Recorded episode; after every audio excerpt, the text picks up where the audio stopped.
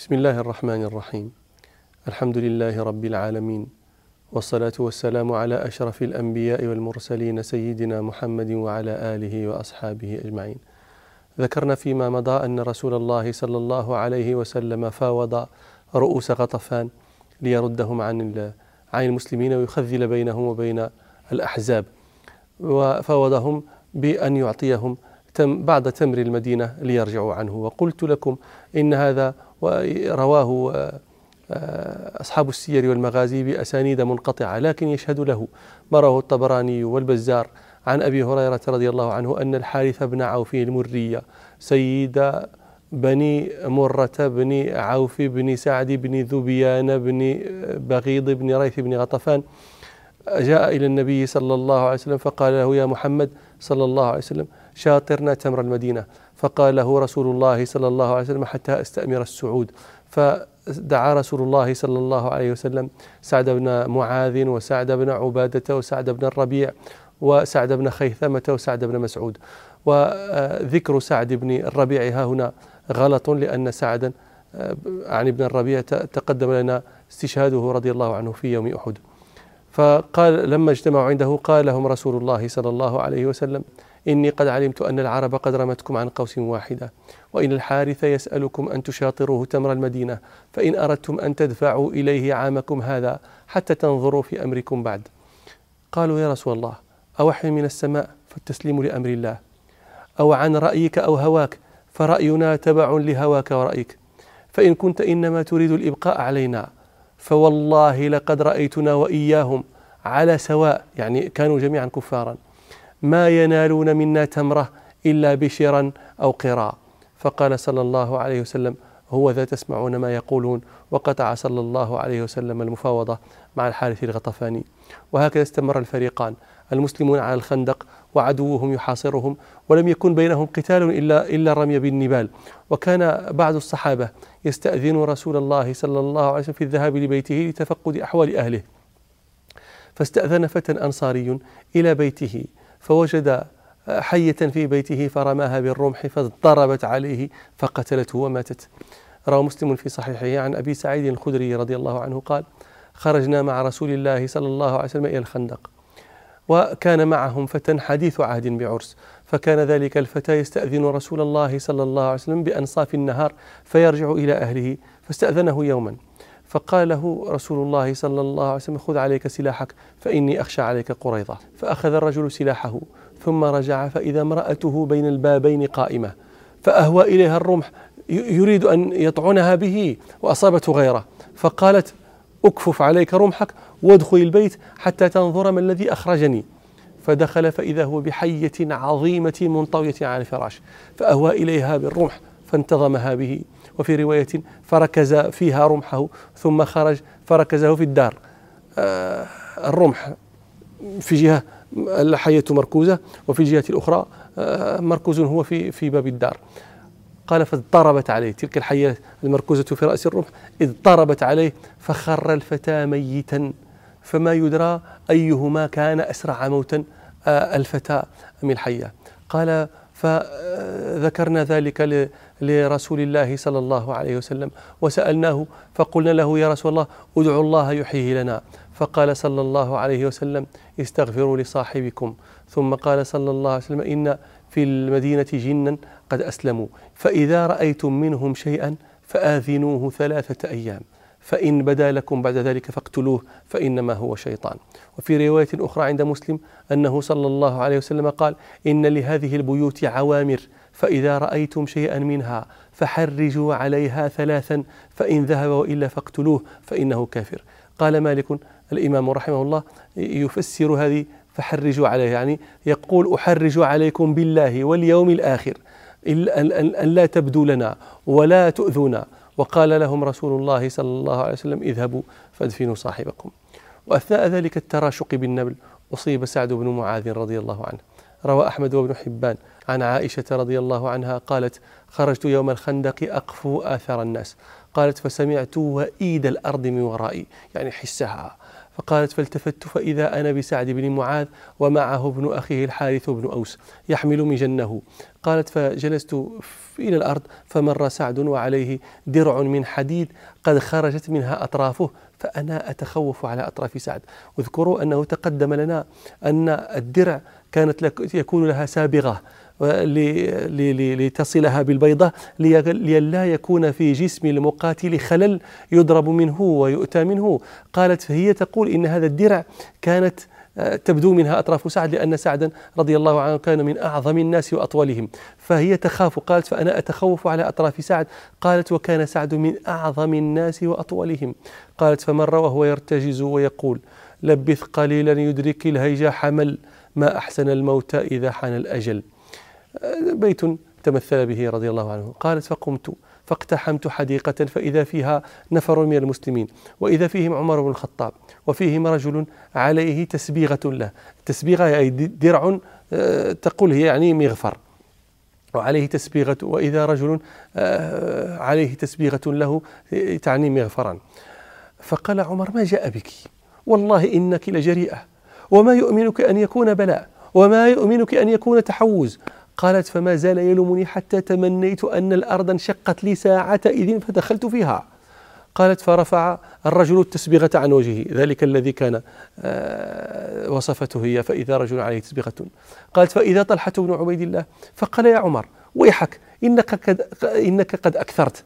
وأين التحوز أو الفرار إلا إلى الله عز وجل؟ قالت ويرمي سعدا رجل من المشركين. هذا الذي قلت لكم أثناء التراشق. أصيب سعد رضي الله عنه. هذا محل الشهيد قالت ويرمي سعدا رجل من المشركين من قريش. يقال له ابن العارقة. بسهم له. فقال خذها وأنا ابن العارقة.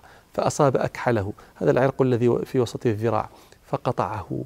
فدعا الله عز وجل سعد. فقال اللهم لا تمتني حتى تقر عيني من قريضة قالت وكانوا حلفاءه ومواليه في الجاهلية. فلما دعا الله رقى رقى كلمه هذا الجرح اندمل وانغلق.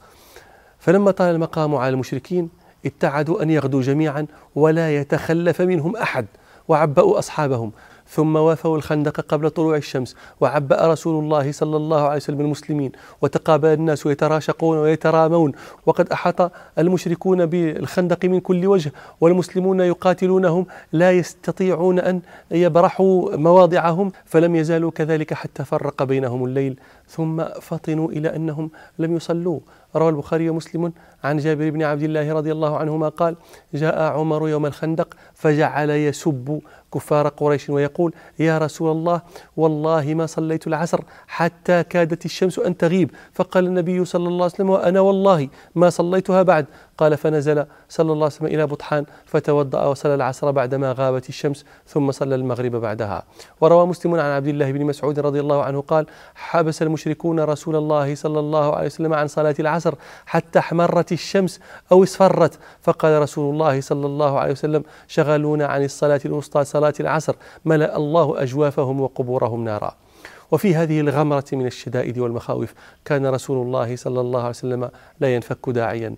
روى البخاري ومسلم في صحيحيهما عن عبد الله بن أبي أوفى رضي الله عنهما قال دعا رسول الله صلى الله عليه وسلم على الأحزاب فقال اللهم منزل الكتاب سريع الحساب اهزم الأحزاب اللهم اهزمهم وزلزلهم. واستجاب ربنا سبحانه لرسوله صلى الله عليه وسلم فأوقع التخاذل بين الأحزاب.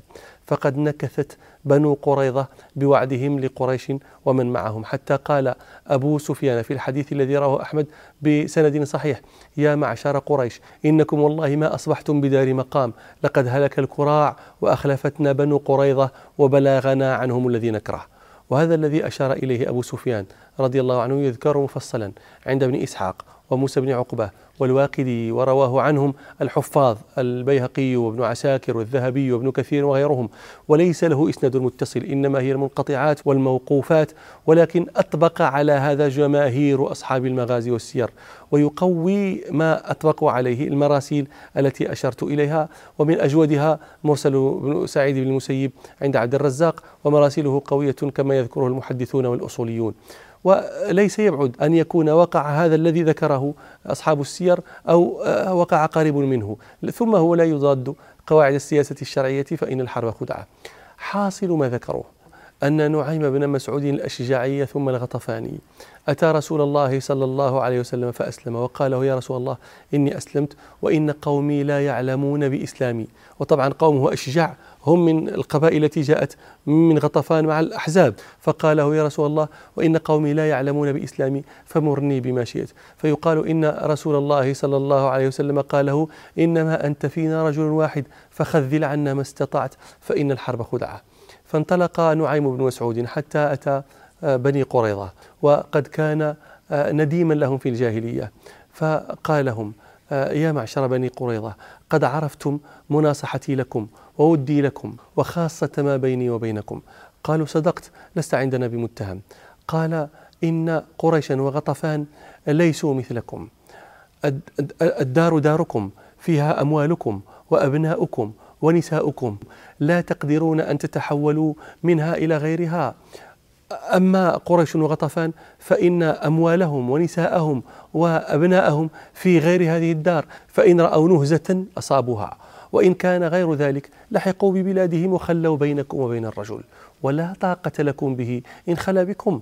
فلا تقاتلوا مع القوم حتى تأخذوا منهم رهنا من أشرافهم يكونون بأيديكم ثقة لكم على أن يقاتلوا معكم محمدا حتى تناجزوه. فقالوا له لقد أشرت بالرأي. ثم خرج حتى أتى قريشا. فقال لأبي سفيان بن حرب ومن معه من قريش؟ قد عرفت مدي آه، لكم وفراقي محمدا وأصحابه وإنه قد بلغني أمر قد رأيت علي حقا أن أبلغكموه فاكتموا عني. فقالوا نفعل. قال اعلموا أن معشر يهود قد ندموا على ما كان منهم إلى محمد صلى الله عليه وسلم وأصحابه. فأرسلوا إليه يقولون له هل يرضيك أن نبعث إلى آه، قريش وغطفان فنأخذ آه، طائفة من أشرافهم فندفعهم إليك فتضرب أعناقهم ثم بعد ذلك نحن معك عليهم حتى نستأصلهم. فرضي بذلك.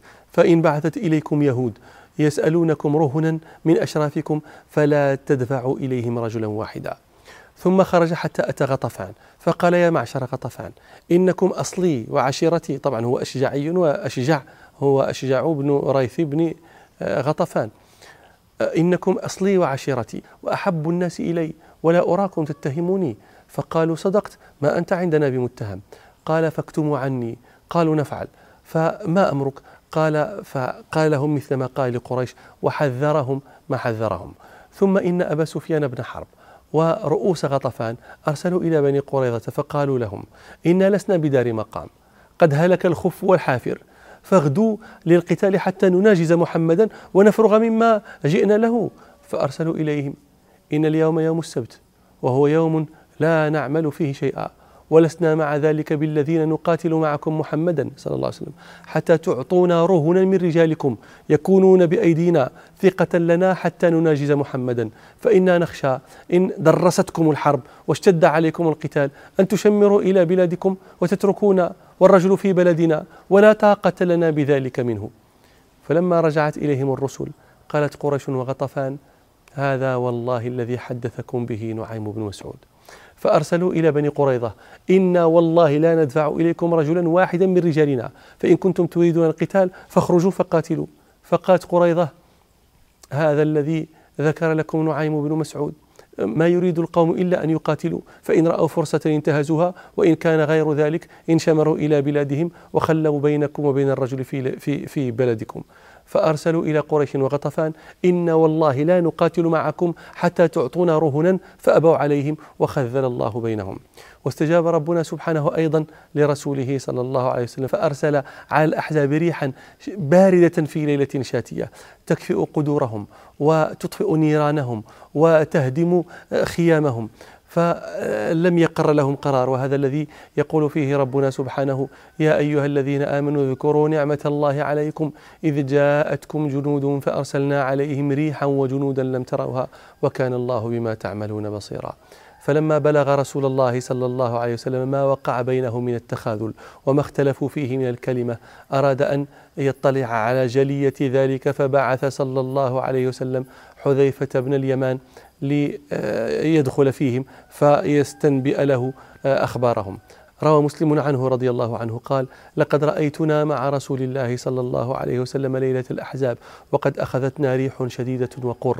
فقال رسول الله صلى الله عليه وسلم ألا رجل يأتيني بخبر الأحزاب؟ جعله الله رفيقي يوم القيامة.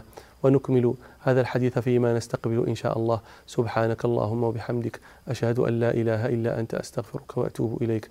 والحمد لله رب العالمين.